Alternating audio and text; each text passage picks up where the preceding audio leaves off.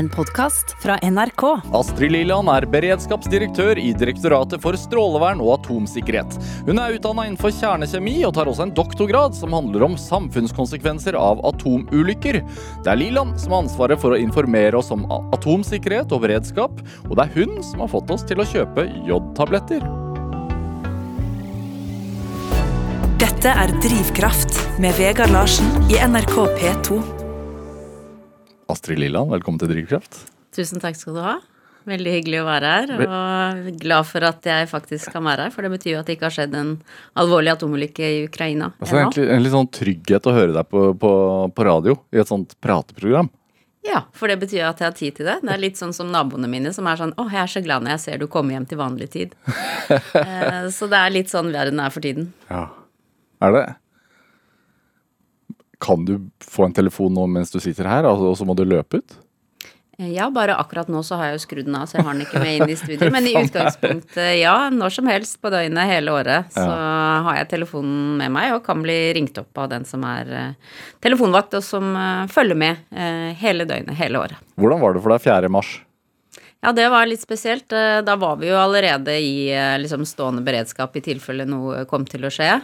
Og så ringte telefonen Fordi at dere, dere altså idet invasjonen var i gang, så tenkte dere at Ja, egentlig fra før de invaderte også, fordi at det, det, var såpass klare tegn på at det kom til å skje noe. Så vi var, hadde begynt å forberede oss allerede. Og så hadde, tok de jo over på Tsjernobyl-kraftverket, og så da den natten til, til 4.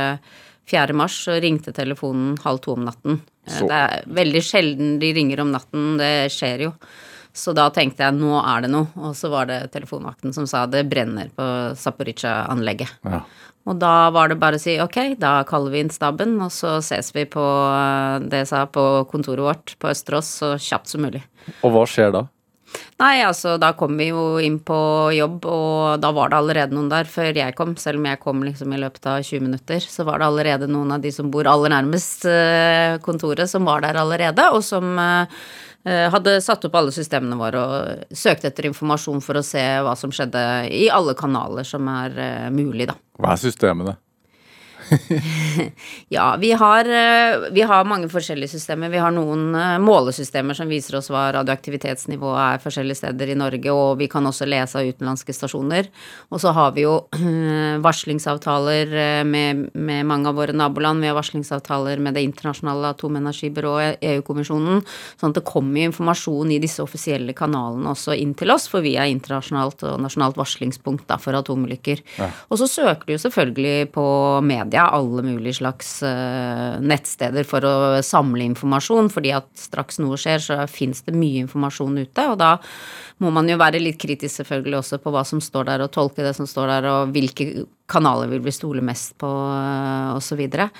Og da søke også informasjon hos uh, f.eks. i dette tilfellet da, hos de ukrainske strålevernsmyndighetene, for de har vi hatt et samarbeid med gjennom lengre tid, og vi har en varslingsavtale med dem også. Hvordan var stemningen? Eh, den var nok eh, ganske alvorlig da, fordi det brant på et kjernekraftverk. Eh, det er veldig alvorlig uansett hvor det måtte skje i verden. Men det som var ekstra spesielt, var jo at vi fikk vite at brannfolkene fikk ikke komme til for å slukke, for de ble beskutt av russiske styrker. Mm. Så det gjorde jo at det var enda mer alvorlig enn om det bare, for å si det sånn, det hadde vært en brann, da. Eh, så da søkte vi opp så mye informasjon som mulig, og så kalte vi inn eh, Kriseutvalget for atomberedskap, som DSA leder, men som har åtte forskjellige medlemmer fra forskjellige etater. Eh, så da møtte de til på morgenen på, på hovedkontoret vårt på Østerås mm. for å se om vi måtte ta noen beslutninger. Men innen, innen de kom, så var det klart at eh, brannen var slukket, i hvert fall. Sånn at da var det ikke noe sånn umiddelbart eh, som skjedde akkurat da. Men da hadde vi liksom hektisk eh, møtevirksomhet og planlegging i tilfelle dette skulle lede da til et radioaktivt utslipp. Og da har vi jo som standard at vi alltid har tett dialog med Meteorologisk institutt, som forteller oss hvordan været er, og som kan si noe om vinden blåser mot Norge eller ikke, og hvis den blåser mot Norge, hvor mange timer tar det før et radioaktivt utslipp når Norge. Hm. Og det har vi jo fortsatt med Det hadde vi jo begynt med allerede før det brant på Zaporizjzja, men det har vi gjort uh, flere ganger per dag, hver dag, siden invasjonen startet. Ja, Hva er vindretningen, rett og slett? Ja, hva er vindretningen? Og så gjør de spredningsprognoser sånn at vi kan se i hvilken retning det går i løpet av de neste tre døgnene, og, i, hvilken, og hvor lang tid det tar også før det eventuelt når et gitt område. Og det som vi har sett nå, selv om det av og til har vinden gått mot Norge, men stort sett ikke så ofte, men det vi har sett også, er at vinden har gått mot alle de landene som ligger eh, vest og sør for Ukraina, der hvor alle flyktningene er på vei. Mm. Og det var klart at det var en stor bekymring også, at det skulle komme et radioaktivt utslipp som blåste inn over de eh, store strømmene med flyktninger da, som eh, var på vei ut av Ukraina, og som da selvfølgelig ikke hadde noe nødvendigvis noe sted å søke tilflukt heller. Ehm, så det har jo vært en stor bekymring. Og selve flyktningsituasjonen i seg selv er jo enorm og krever masse ressurser, sånn som den er nå. Så et radioaktivt nedfall i tillegg over dem og hjelpearbeiderne da, som mm. skal ta imot dem, ville jo vært eh, voldsomt belastende. Så det har vi hatt en bekymring for eh, de dagene det ikke har blåst mot Norge, men har blåst mot disse andre landene. Altså, du er jo leder, altså, eller beredskapsdirektør da, i, i Direktoratet for strålevern og atomsikkerhet, og dere har jo sikkert Dere driller, driller på det, hva som skal Altså, hva skal dere gjøre ved en eventuell ulykke? Altså, Som dere går gjennom ofte, da, eller? Ja, altså vi har jo en krisehåndteringsplan som uh, vi egentlig um, nettopp var i ferd med å sluttføre en revidering av uh, nå, for den revideres jo med jevne mellomrom. Uh, og så har vi da under denne Ukraina-krisen uh, lært enda litt uh, mer, som man jo gjerne gjør hver gang noe skjer, eller hver gang man har en øvelse, så, som vi bruker også inn i, i, i stadig å oppdatere krisehåndteringsplanen. Men vi har jo hatt en, en, atomberedskap i Norge helt siden 1993, som en direkte konsekvens av Tsjernobyl-ulykken i 1986. Mm. Så den har jo blitt videreutviklet jevnlig. så vi har jo mange planer for hva vi skal gjøre.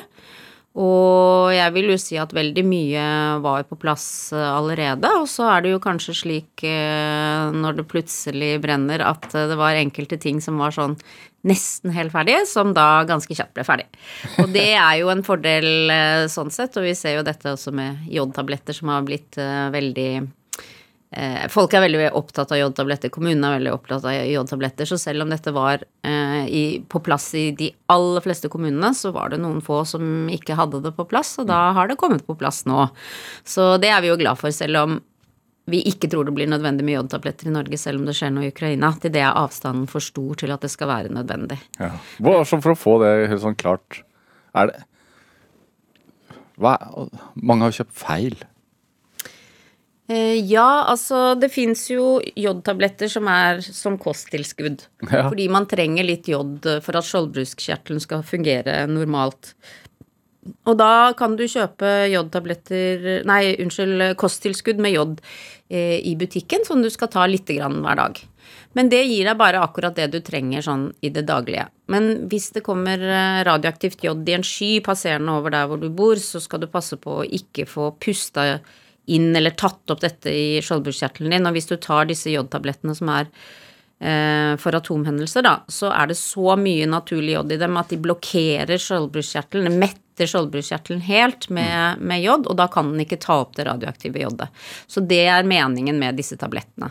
Så de har en styrke som er sånn mellom 500 og 900 ganger sterkere enn en tablett som du tar som kosttilskudd. Og bare for folk under 40? Ja, Eller? Ja, det stemmer. Ja. eh, og det er fordi at eh, skjoldbruskkjertelen har eh, veldig høy produksjon når man er barn og ungdom, og fra 18-årsalderen så avtar den eh, aktiviteten i skjoldbruskkjertelen, altså hvor mye du tar opp, da, ja. den eh, avtar fra 18-årsalderen. Eh, og internasjonale anbefalinger sier at for de over 40 så vil det ikke ha noe risikoreduserende effekt da å ta jodtabletter. Så det er derfor vi sier at det ikke er nødvendig. Det er ikke noe farlig hvis man tar det, men det vil ikke hjelpe deg. Så hovedfokuset vårt har jo vært på barn og unge og gravide og ammende, for de har veldig stor aktivitet i skjoldbruskkjertelen. Mm. Og i tillegg så har barn og unge da også veldig lang tid eh, etterpå til å, som de skal leve, og som kan på en måte føre til at du utvikler uh, kreft i skjoldbruskkjertelen. Mm. Så derfor så er vi opptatt av at uh, barn og unge og gravide ammende er de som i hvert fall skal ha det. Og så i veldig spesielle tilfeller så kan det kanskje bli behov også for de som er mellom uh, eh, 18 og 40, vanlig voksne i Norge. Men da må det være et uhellssted i Norge med en type stor reaktor. Så det viktigste for oss er egentlig at den mest sårbare gruppen da, har disse tablettene tilgjengelig. Hvor lenge har du hatt den stillingen? Eh, som eh, beredskapsdirektør har jeg hatt eh, siden januar 2021, for vi omorganiserte da vi fikk en ny direktør på plass. Og før det så ledet jeg seksjonen beredskap. Har du vært borti noe Altså har du blitt vekket om natten før? Ja, det har jeg, men ikke av så alvorlige ting. Da har det vært kanskje noen mindre ting som har skjedd, eller det har kommet varsel om at noe har skjedd i utlandet, men hvor eh, vi ikke trenger å agere på det med en gang. Men det er ikke så ofte man blir vekket om natten, nei. Ble, ble du stressa selv? Eh, nei, ikke egentlig. Eller jeg, det, jeg tenkte sånn oh shit. Eh, og så bare ok, da får vi kalle inn staben. Ja. Så gjorde vi det, og så var det liksom bare hive seg av gårde. Eh, men samtidig, når noe skjer, så blir det på en måte en slags eh, sånn ro i stresset, fordi at du bare tenker nå må vi bare gjøre det vi kan, vi må få oversikt, må, da blir det litt sånn chop, chop, chop. Mm. Uh, så egentlig, um, selv om situasjonen er uh, alvorlig, så blir jeg ikke stresset på den måten at jeg hauser meg selv opp eller hauser opp andre, for det er jo veldig viktig å ha fokus på det du skal gjøre, og i og med at vi har planverk og vi har øvd på det, så vet vi jo hva vi skal gjøre. Eh, så det er bare liksom å sørge for å få gjort det, og også tenke ok, hva er det verste som kan skje nå, hva er det vi må forberede oss på hvis det blir verre enn det er akkurat nå, vi må se litt lengre frem. Eh, og, og forberede oss da på, på, hva som kan skje. For man har forskjellige sånn beredskapsnivåer. Ja. Vanligvis er man på beredskapsnivå null, ja. og, og, da er jo da går, det, det, er ting som helt vanlig. Så. Ja, det er en helt vanlig dag, for å si det sånn. Ja. Men vi, vi, følger jo med på forskjellige systemer og på, på, nett og forskjellig sånn at vi liksom har Det er alltid noen som følger med, da. Øh, det er en del av grunnberedskapen, og da er vi på nivå null. Og så har vi da øvelser, vi har aktiviteter med kriseutvalget for atomberedskap, med rådgiverne, med fylkesmennene kanskje, unnskyld, statsforvalterne heter det nå, fylkesberedskapssjefene. Øh, sånn at vi har et sånt jevnlig øh, beredskapsarbeid som løper hele året. Hva skjer ved beredskapsnivå 1? Nei, da det, får vi varsel om uh, mindre hendelser som uh, tilsier at vi må følge det opp. Det kan være at det kommer et varsel fra f.eks. et metallgjenvinningsfirma som har tatt imot noe skrap som kommer inn og skal gjenvinnes, og så går det en alarm i portalen der. Alle metallgjenvinningsstasjoner har en sånn portal for måling av radioaktivitet, og da hender det at det slår ut der. Og da kan det være noe Enten at ja, det kan være noe naturlig radioaktivitet som er i noen av disse massene som kommer inn, eller det kan være rett og slett noen eh, gamle kilder som inneholder radioaktivitet som ikke egentlig burde vært der, og som de ikke ønsker å få inn i smelteverksproduksjonen, for da kan de forurense hele anlegget sitt. Mm. Og da hender det jo da at vi sender ut noen patruljer fra oss for å måle og bistå dem med å avhende det avfallet på, på en god måte. Og da blir det, det veldig typisk, lokale tiltak? Ja, det er bare sånn helt lokalt, ja. Så det er typisk en sånn uh, nivå én-hendelse, uh, da. Og nå er vi på beredskapsnivå to? Nå er vi på beredskapsnivå to, ja. Og hva betyr det? Ja, det betyr at uh, situasjonen er slik at uh, det kan eskalere til en uh, mer alvorlig hendelse, og at det er uavklart hva det er som kommer til å skje fremover. Mm. Men det har ikke skjedd noe utslipp ennå. og så hvis man da går til nivå tre, som er det høyeste, ja da det er det nivået vi bruker når det faktisk da er et pågående utslipp, og det er en pågående krisehåndtering på grunn av det, da. Så hvis det Eh, skjer en alvorlig hendelse nå på et av kjernekraftverkene i Ukraina, sånn at det blir et utslipp, ja, da er vi på nivå tre. Og, og hvis vindretningen hadde vært mot Norge, da? Hvordan hadde Hvordan hadde jeg merket det? At vi er på beredskapsnivå tre, og at, at det er et utslipp? Ja, øh, da ville du jo fått, øh, fått det med deg via media ganske kjapt, tenker jeg. Vi er veldig tidlig ute med å informere når noe skjer. Ja. Hvor, hvor kjapt må man Altså, hvor, hvor lang tid snakker vi?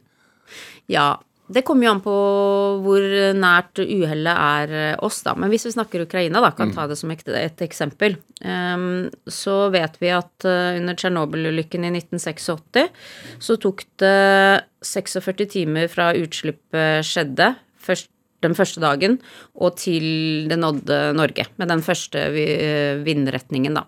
Og så kom det en ny bølge noen dager senere, og det, da brukte den 27 timer. Eh, og så har vi spurt Meteorologisk institutt, det gjorde vi helt i starten når invasjonen eh, pågikk. Så spurte vi ja, hvis dere tenker dere det aller verste været for Norge, da, at vinden går rett mot Norge veldig høy hastighet, mm. hvor lang tid er liksom det korteste det tar da, før det kan nå oss? Og da sa de at ved helt ekstremt sterk eh, vind så kan det korteste være 16 timer. Mm.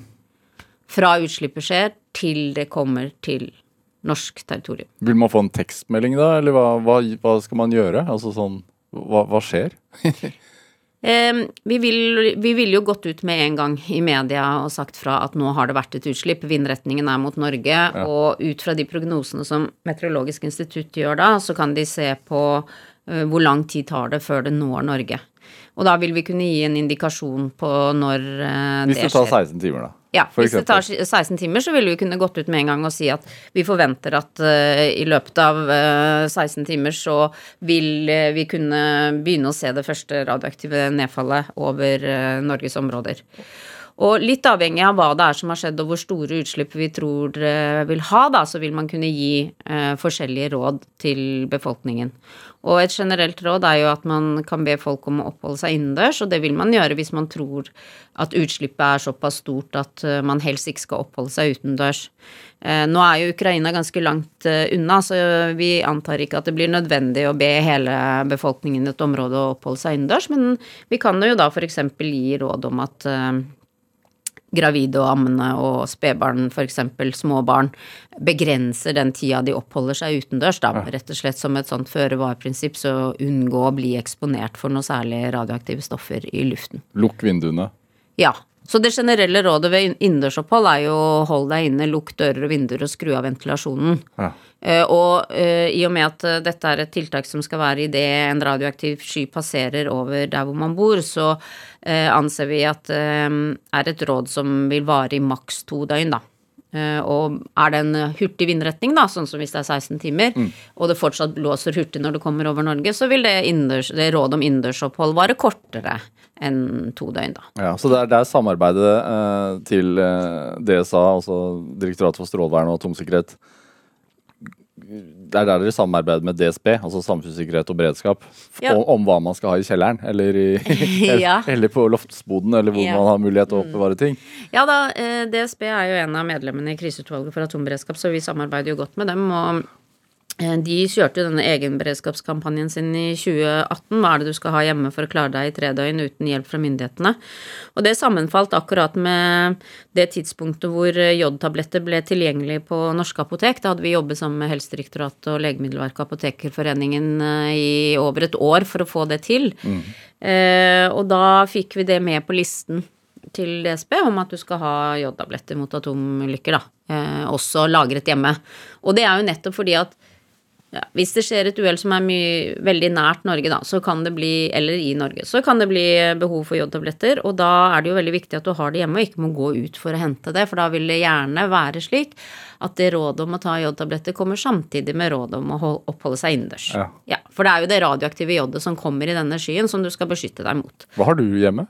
Jeg har jodtabletter, ja. og jeg har eh, DAB-radio med batterier, og jeg har eh, to store vanndunker, og jeg har eh, Jeg tror jeg har alt på den lista.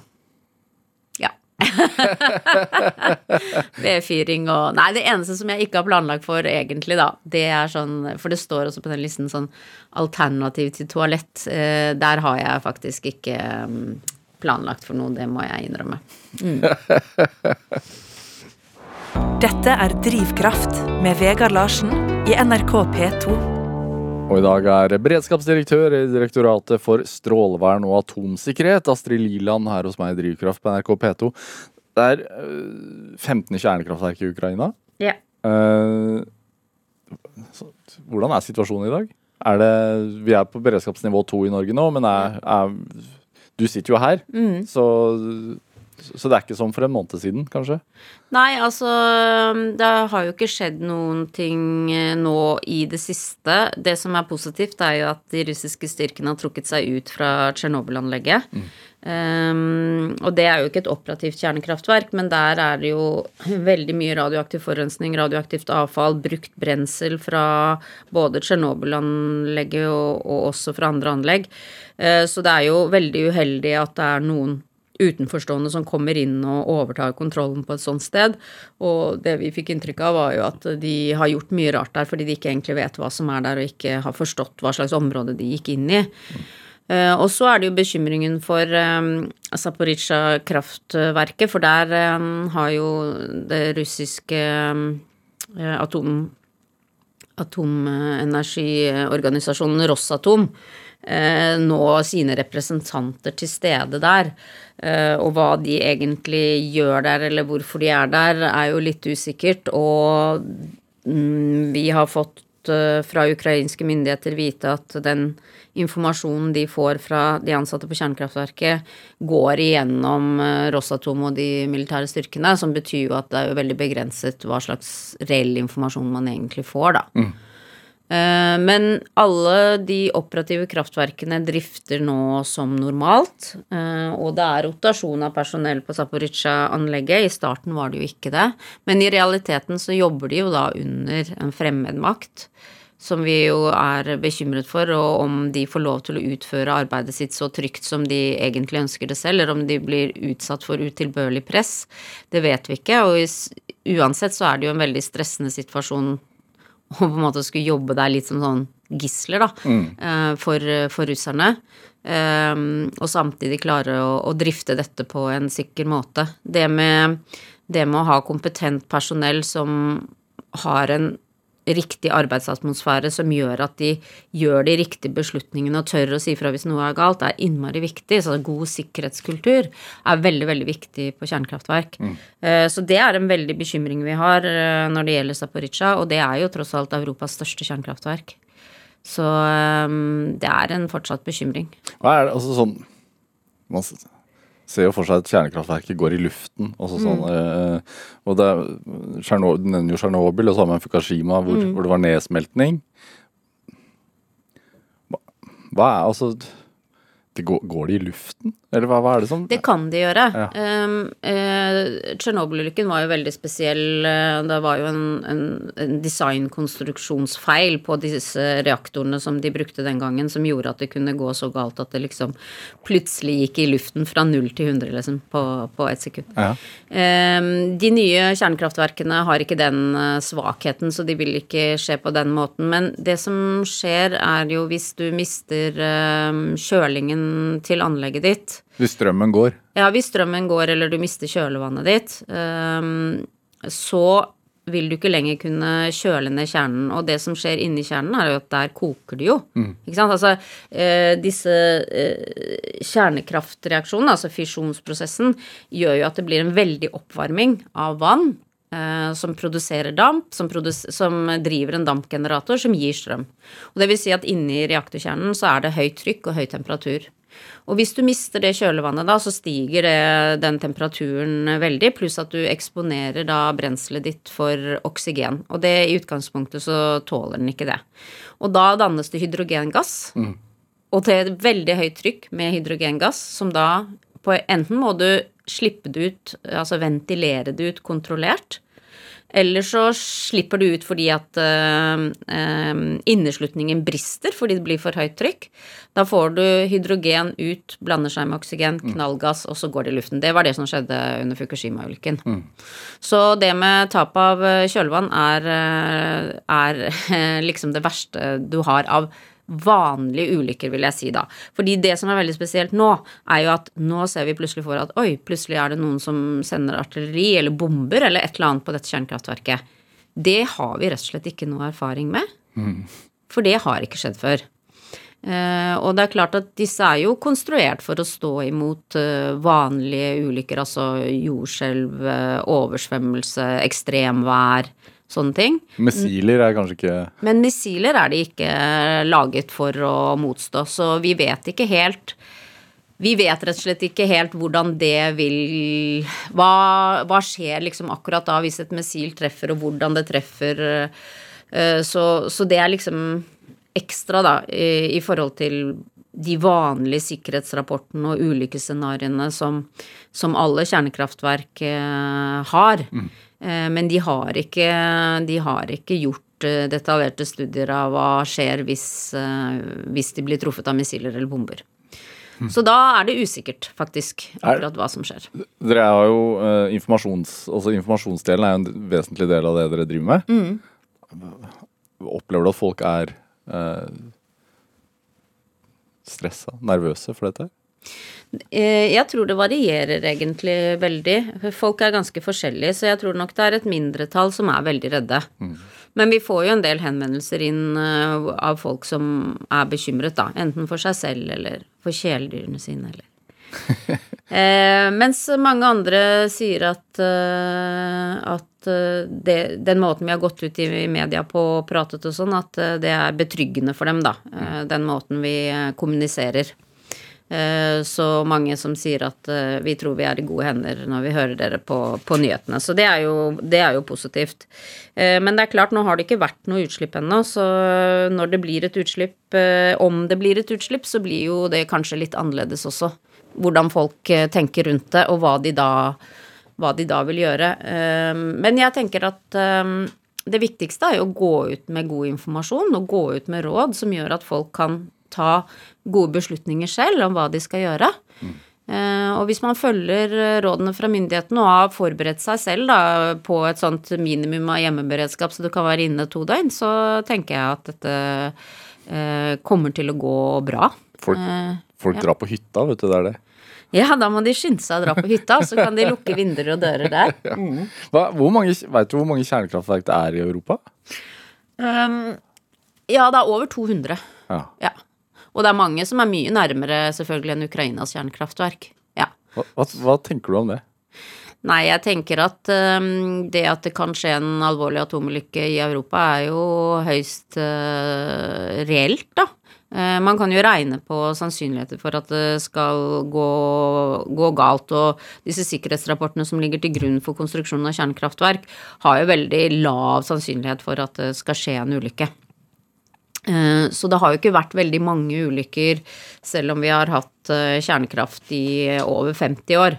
Men det er klart mange av disse kraftverkene begynner jo å bli eldre, mm. og ble i utgangspunktet bygget med en levetid på 30 år ca. Og så er det mange som har fått forlenget levetiden sin. Og samtidig så har man jo gjort eh, forbedringer på sikkerhetssystemer og sånn også. Men jo eldre kjernekraftverkene blir, desto større sannsynlighet er det egentlig for at noe kan gå galt. Fordi at selve strålingen eh, skader rett og slett det materialet som eh, reaktoren er bygget av, mm. over tid.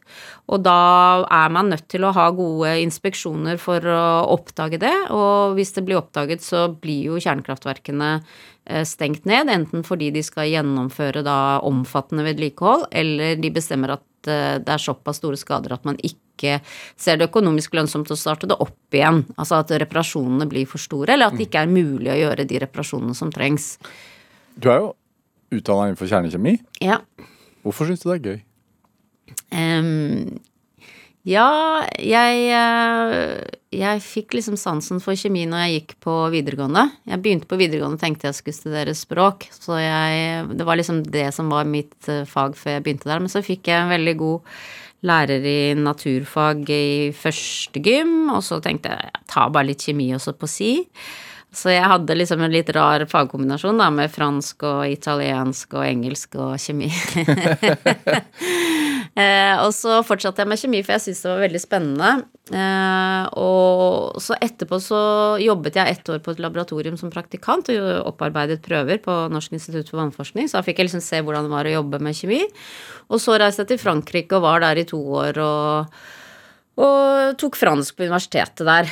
Og så fant jeg ut at nei, ja, fransk er kjempegøy å bruke og sånn, men jeg hadde ikke liksom lyst til å drive med diktanalyse og grammatikk og sånn som fag, da. Så da søkte jeg meg til kjemi istedenfor. Ja. Og så, og så oppdaget jeg da etter hvert at det var noe som het eh, kjernekjemi, som var altså kjemi med spesialisering på radioaktivitet og stråling. Og så syntes jeg det var veldig spennende. Veldig sært, sær liten gruppe egentlig på universitetet i forhold til disse store fagene som er organisk kjemi, uorganisk kjemi. Hva var spennende med det? da? Nei, jeg syns det var veldig spennende å liksom forstå hvordan strålingen oppstår da, inni, inni atomene, og hva den strålingen kan føre til. Hva slags skadevirkninger og potensial den har. Hvordan du kan uh, måle det. Og, og, hvor vi finner det hen liksom, i naturen. Hvordan du kan skape radioaktivitet. Um, så jeg syns det var litt spennende, og så syns jeg det var gøy at det var noe som ikke så veldig mange andre drev med. Så da jeg begynte på hovedfag, så var vi fem stykker som begynte samtidig på hovedfag, og da syns de andre på den kjernekjemigruppen at wow, det var mange som begynte på en gang. Så da skjønner du litt hvor liten. og så var vi jenter alle sammen som begynte òg, så det var også litt spesielt, da. Ja. Men, eh, men, det er veldig spennende. Jeg, jeg, husker jo når jeg begynte på, på, Universitetet i Oslo på kjemi, på liksom eh, grunnkurs i kjemi, da, og, og, begynte å lese på engelsk, da, siden alle bøkene var på engelsk, begynte å liksom lese om kjemi og liksom forstå hvordan verden hang sammen, da, sånn kjemisk, syns jeg var utrolig spennende. Så jeg ble, ble liksom litt sånn bergtatt av, av det som, som, fag, da. Ble verden større eller mindre? eh, Uh, nei, altså det å forstå sammenhengen på ting altså man, Den ble jo for så vidt større ved at man forsto sammenhengen uh, på ting, da. Ja. Uh, så jeg syns det, var, syns det var veldig spennende, og så, så, da fortsatte jeg med det. Vi måtte jo også ta fysikk, blant annet, fordi alle må ta, ta det selv om de skal studere kjemi, og der var jeg ikke så veldig entusiastisk og flink, helt til jeg kom til det kapitlet som omhandlet bølger og stråling. Der forsto jeg alt. Mens uh, ellers i fysikken var jeg ikke så god. uh, Astrid Liland, jeg skal spille litt musikk. Du er jo opptatt av musikk også. Mm. Sunget i kor. Ja, ja. synger i kor. Mm. Uh, og vi skal altså hva skal vi høre for noe? Nå skal vi høre fra Iver Kleives eget Rekviem. Mm. Dies ire, dommedag. Og det var en konsert som vi nettopp hadde i Helgerud kirke 31. mars, med Iver Kleive selv på orgel. Og vi syns jo det var et veldig passende verk i den dramatiske situasjonen som var i Ukraina. Så skal vi si dessverre. Ja. Eh, men, men, det verket også er jo eh, Teksten er den tradisjonelle rekviem-teksten med alle de delene som er. Men uh, Ivers arrangement er jo veldig sånn dramatisk og med veldig mye galskap liksom i de orgelpartiene, da. Mm. Eh, samtidig som koret også har både dramatiske ting, men også veldig sånn eh, myke, nydelige eh, ting som går mer på den eh, tilgivelsen og, og, etter dommedag og disse tingene. Så eh, jeg syns det er et veldig flott verk. veldig dramatisk og veldig fin samtidig. Hvilket kor synger du i? Det heter Oslo Bach-kor, ja, og det er ledet av Iver Klavier. Og de synger her, Men du er, synger, synger du her? Ikke på den innspillingen. Nei. Da hadde jeg nettopp fått to barn, så da var jeg ute fra kor en del år. Ja, skal vi høre. Ja, du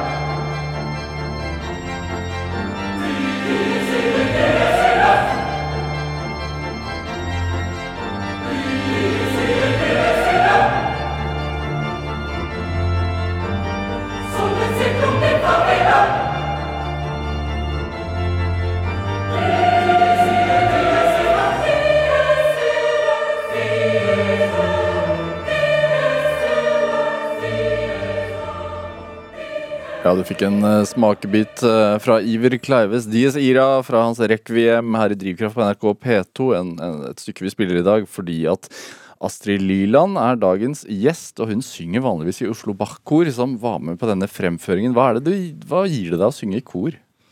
Og det er uh, veldig gøy å være liksom bare en del av et stort kor med mange deltakere. Vi er jo 90 stykker i dette koret, fire stemmer. Mm. Um, og det er så godt å bare gå inn i noe helt annet enn det jeg vanligvis driver med. Kunne bare være del av det og være fullt og helt oppslukt om notene, musikken, uh, og, og bare lytte og, og, få lov å synge også eh, alle disse fantastiske verkene. Så det er jo mange av disse store korverkene, om det er eh, Bach eller Mendelssohn eller Kleive eller hva det er vi mm. synger, og Requiem, Mozarts Requiem. Eh, så det er veldig stas, og så er det jo gøy da å kunne fremføre det, og da er det jo alltid eh, med liksom fullt orkester òg, som vi har framføring, og innleide solister, gjerne fra operaen eller andre kjente solister, da. Så det er jo gøy å kunne være med og fremføre et sånt eh, stort stykke. Og som regel er det jo veldig godt besøkt også når vi har konserter, så det er liksom gøy å glede folk, da, med sånne frem, fremføringer. Hva er det som gjorde at du ble forelsket i kor? Jeg har nok alltid likt å synge. Og så når jeg gikk på videregående, så var jeg litt med et sånt skolekor som var der. Og så når jeg begynte på, på kjernekjemi, så, så, var det to andre som gikk der eh, som hadde lyst til å begynne i kor. Og da tenkte jeg da kunne jeg prøve også, så kom vi inn alle sammen. Så det var veldig gøy, syns jeg. Eh, og så hadde jo ikke jeg egentlig noe uh, musikkunnskaper Altså, jeg hadde ikke um, spilt noe instrument eller lært noe noter noe mer enn det man gjorde på skolen, egentlig. Mm. Så litt, litt, utfordrende i starten, men det gikk veldig fint. og det er veldig mange flinke sangere med der. Så det er alltid gøy å ja, lære noe nytt. Og så kanskje man kommer tilbake til noe man har fremført for lenge siden. Og det er utrolig hvor uh, godt melodier sitter, syns jeg, da. Sånn at hvis jeg har sunget det før, mm. og kommer tilbake til det etter kanskje sånn som nå, da, at det var noe jeg sang for første gang på 16-17 eh, år eller noe sånt, så husket jeg det allikevel. Så det var veldig lett å komme inn i det igjen. Så det er rart hvordan eh, musikk liksom sitter bedre enn andre ting, da. Du, du er fra Tåsen i Oslo, eller vokste opp ja, der? Ja. Eh, generasjonsbolig? Ja. ja. Så eh, mormor og morfar bodde i den ene etasjen, og så, og så mor og stefar og jeg og den ene søsteren min da, bodde i den andre delen. Ja. Mm. Hvordan var det? Nei, det var veldig fint, det. Det var eh, fint og trygt og hyggelig å ha besteforeldre der. Og morfaren min var veldig opptatt av klassisk musikk, så han eh, hadde ofte det på, husker jeg, eh, hos seg, da. Så eh, nei da, og det venner i nærheten og kort vei til skole, og, så det var eh, absolutt fint fint det vokste opp, det. Men er du fra en familie av realister, siden det har blitt veien? Mm, på en måte ja, på en måte nei. Altså ikke fra morssiden av familien. Men jeg en, hadde en onkel, han er død nå, men han var kjernefysiker.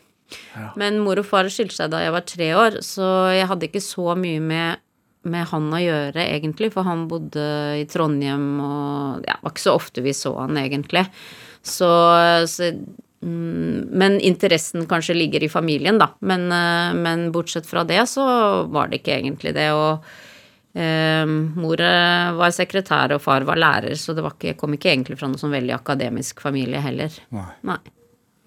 Men det er jo fint i Norge at alle får sjanse til å gå på universitetet. Mm. Det må jeg si. At uh, uansett hvor du kommer fra, så kan du få studielån. Du kan komme inn på de studiene du vil, bare du jobber liksom med fagene dine, sånn at du kan komme inn og at du kan fortsette der. Så det må jeg si jeg er veldig takknemlig for, da. At man har den muligheten i Norge. Når du har den jobben du har, altså som beredskapsdirektør,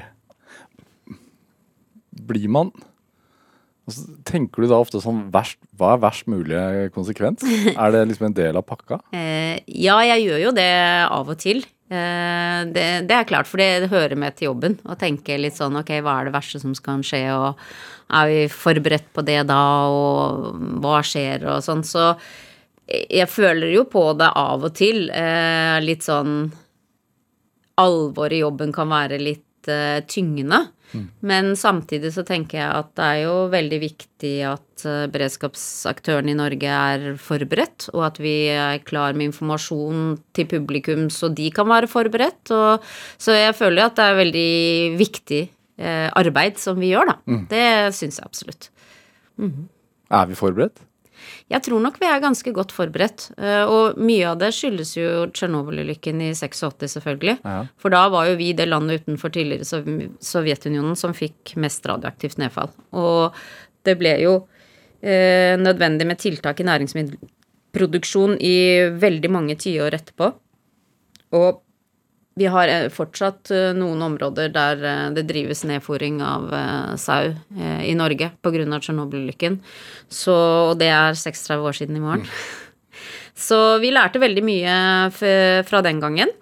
Og så har jo på en måte trusselbildet endret seg litt etter hvert også, så vi er jo opptatt av mange forskjellige typer scenarioer, da. Også økende besøk av Natos allierte atomubåter. Som jo er en eh, del også av det nasjonale trusselbildet vårt, i tilfelle det skulle skje noe med en av dem. Og så har du selvfølgelig hele nordflåten til russerne, som jo tross alt er ganske nær oss, da. Ja. Eh, Med de skipene de har der, og de russiske mm, atomisbryterne også, som seiler langs kysten, som det også kan skje noe med. Og, og ellers også bekymringene rundt dette med, med terror og, og liksom villede handlinger da, med radioaktivt materiale eller nukleært materiale. Så vi har jo eh, mange forskjellige typer scenarioer som, som vi ser på, da, som vi skal være forberedt på å kunne håndtere. Ja. Det er godt at du Altså, det er godt at noen har den jobben, fordi jeg, jeg kan ikke gå rundt og tenke på alt det der du fortalte nå, for da blir jeg paranoid og engstelig. Nei, det er jo viktig det at um, forskjellige beredskapsaktører er eh, forberedt på det som kan skje, og at noen sitter med fagkunnskapen eh, om dette også, da. Eh, så, så vi er jo et ganske lite direktorat, men vi er veldig spesialisert. Men vi har jo liksom alt som har med radioaktivitet og stråling å gjøre i, i Norge, da. Så både medisinsk bruk og industriell bruk og radioaktiv forurensning, naturlig radioaktive stoffer, UV fra sola. Vi har liksom alt, da, hos oss. Eh, Mobilstråling. Det også. Ja. 5G. Det også. Ja. Ja. Hva, hva tenker du om det? Altså, at folk en, Unnskyld at jeg ler, altså, men at en, en, en del er engstelig for 5G-nettverket. At strålingen det ut, ut, utgjør og Nei, altså folk eh, er bekymret for forskjellige ting, og noen eh, får det for seg at det er en spesiell ting som er årsak til alle deres eh, problemer. Eh, så, så det eh, er jo en del av eh, den bekymringen som ligger der. Eh, Men så er det jo noen som drar det litt ekstra langt, og som, ja, som har koblet 5G og koronaviruset, f.eks., som jo blir veldig far-fetched, da. Får dere de henvendelsene? Vi får en del henvendelser eh, på sånne ting, ja. Vi gjør det. Så vi har jo egne folk som, eh, som jobber med det, og som prøver å kommunisere så godt som mulig med folk som har eh, veldig mm, sterke meninger om, om dette, da. Og, og at det nå blir 5G istedenfor 4G og 3G og sånn. At de på en måte tenker at hvis det er ny teknologi, så blir det farligere enn før. Men i utgangspunktet så eh, er det jo stort sett sånn med teknologi at det heller blir bedre teknologi, sånn at nå med 5G Det betyr jo bare femte generasjon Ja. mobilnett. Det er, Ja. ikke noe mer, det er ikke noe sånn at det er fem ganger mer enn før. Eh, Så, så det det gjør, er jo at du får mye raskere, eh, raskere kontakt og mye bedre kontakt. eh, Og, og sånn sett så er jo mobilstrålingen lavere nå enn den var i starten, da.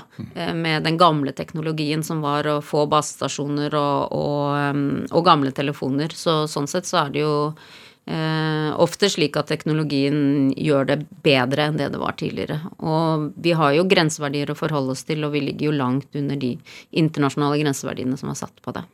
Klarer du å slappe av? Eh, ja, jeg kan være ganske flink til å skru av. Så eh, det er klart, ikke akkurat eh, når det sto på som verst eh, i Ukraina, da var det ikke så lett å koble ut, men sånn som situasjonen er nå, hvor jeg vet at andre er på vakt og følger med og ringer meg hvis det er noe, så, så skrur jeg liksom av den Prøver i hvert fall å skru av den kanalen i helgen. For å på en måte bygge litt energi på andre måter. Trene litt eller være ute, treffe noen venner, gjøre andre ting. Hvor viktig er det? Eh, det tror jeg er veldig viktig. eh, Å koble ut. Eh, Og det å synge i kor også er en sånn utkobling. Fordi at da blir jeg helt oppslukt i det jeg gjør akkurat der og da. Så det er liksom hjernen får hvile, da.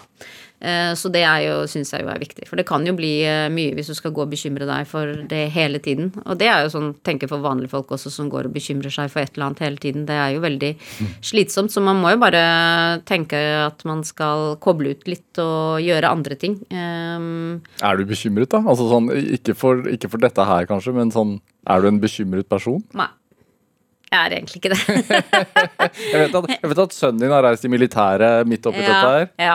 Det syns jeg var veldig spesielt. Han dro nå på tirsdag til militæret, øh, Sjøforsvaret, og tenkte liksom Oi, det var litt spesielt at han skulle det akkurat nå når Ukraina startet.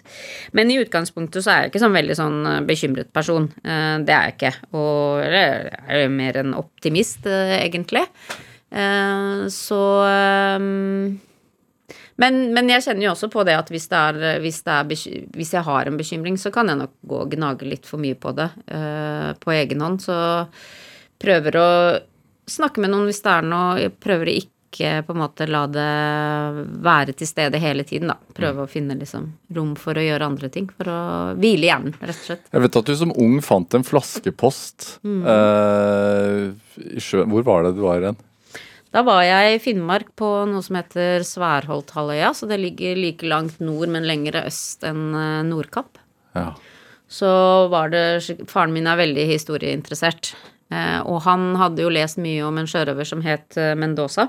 Som seilte helt fra mm, Portugal oppover langs kysten og helt over til Murmansk og den veien der.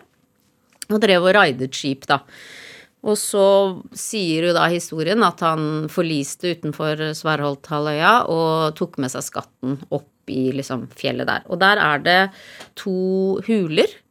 Eh, og i de hulene så ble det en gang funnet mange skjeletter.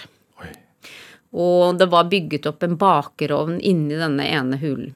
Eh, så det har bodd mennesker der som har vært skipsforlis, og så er det en halvøy, så de skulle jo egentlig prøve å komme seg inn på fastland, men ble stoppet av de som bodde der den gangen. Så, så de døde der, da. Eh, og, ha, og da dro vi dit eh, Da dro vi dit sammen med en venn av pappa og hans eh, barn, og jeg også en, eh, en annen venn fra familien der, og eh, lette med metalldetektor, da, for å se om vi kunne finne noen skatt.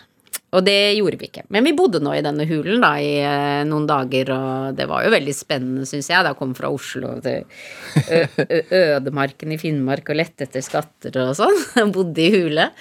Og så når vi gikk tilbake, så hadde vi et stopp, en pause, på en sånn strand der, og det var masse rekved og forskjellige ting som drev i land.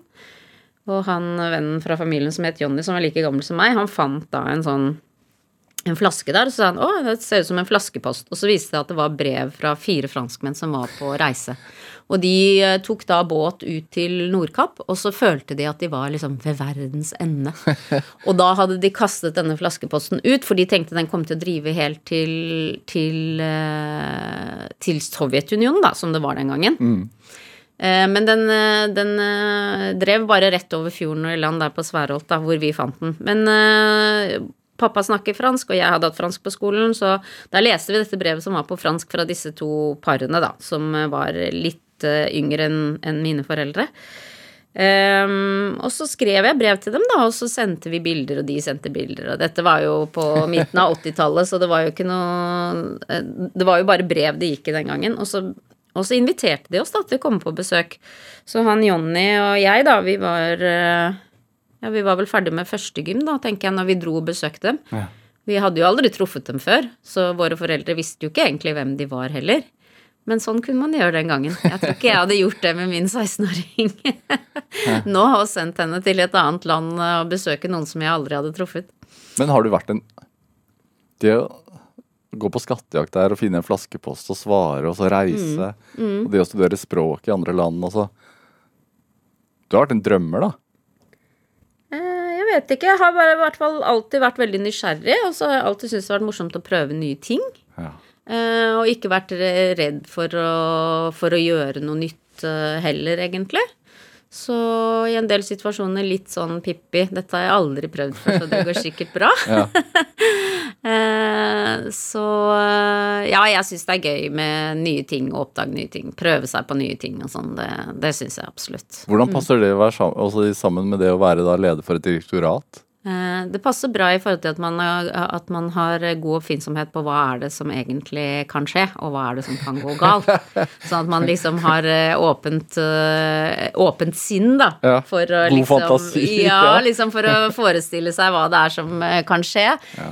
og det tror jeg nok kan være litt lurt òg, fordi eh, man vet jo aldri hva det er som skjer neste gang. Ikke sant? Det er jo veldig lett eh, for mange å liksom planlegge for den forrige, forrige krisa. Eh, og, og eh, tenke at ja, det neste gang er det også en pandemi som kommer, men nå så vi jo ganske fort at det var det ikke. Uh, så man må jo man må jo ha med seg litt den derre bredden i hva er det som kan skje, og også være tilpasningsdyktig på den måten at ja, du kan legge planer, men du kan jo aldri legge nøyaktig planer for hva som skjer neste gang, for det er alltid noe spesielt med den neste krisa, så du må improvisere. Men det er lettere å improvisere og få til hvis du har liksom grunnplanene der, som ligger der fra før av. Og så kan man tilpasse da, i forhold til akkurat den situasjonen som skjer neste gang. Har dere noen sånne scenarioer på hvordan vi vil reagere under en katastrofe? Altså sånn samfunnet? Det har vært gjort en del eh, studier eh, på det også, eh, for å se på liksom Kommer man til å få panikk, eller kommer man til å oppføre seg rasjonelt, eller hvordan er det? Og mest sannsynlig ut fra studier som er gjort, og også fra Hvis du ser på hvordan ting har foregått i andre land når det er katastrofer, så majoriteten av befolkningen oppfører seg jo rasjonelt. De gjør jo faktisk det. Eh, Men det er veldig viktig at de får god informasjon, for hvis ikke så kan man jo risikere å på en måte ta feil valg, da, hvis man ikke forstår hvilken situasjon man er oppi. Så det er jo vi veldig opptatt av. Og jeg har jo vært mye i Japan i Fukushima etter Fukushima-ulykken, og der ser jeg jo at eh, befolkningen der eh, fikk veldig lite informasjon og forsto ikke hvilken situasjon de var i. Og, og hadde blitt fortalt før ulykken fra myndighetenes side at kjernekraft var helt trygt, det kunne ikke skje noen ulykke. Så de følte seg jo eh, veldig lost da, eh, når det først skjedde noe, så siden de ikke hadde noen kunnskap. Og de japanske myndighetene var ikke gode til å informere heller. Og det gjør at det fortsatt er eh, mye problemer, vil jeg si, der for mange. Så God informasjon eh, er viktig, god kommunikasjon. Så det er jo mye av det vi jobber med også. Vi tenker at folk vil oppføre seg rasjonelt eh, da og følge, og følge de rådene og, og, og påbudene som de får, da, tross alt. Hva tenker du om fremtiden til kjernekraftverk, da? Er du pro eller eh, motstander?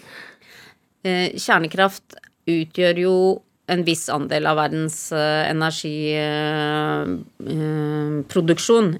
Ikke så veldig stor sånn på verdensbasis, bare en rundt 16% Men for enkelte land så utgjør det jo kanskje så mye som 75% f.eks. i Frankrike. Og det er jo ikke mulig for dem å gå eh, nå over til noe helt annet. Og du ser jo problemene i Tyskland også, som har lagt ned sin kjernekraft. Og samtidig nå ikke skal importere fra Prøve å ikke importere olje og gass eh, fra Fra Russland. Det er jo veldig vanskelig. Så jeg tror nok at kjernekraft vil være en del av, eh, av eh, energiproduksjonen også i framtiden. Og det er flere land som bygger nye kjernekraftverk. Og en del som forlenger sine kjernekraftverk også.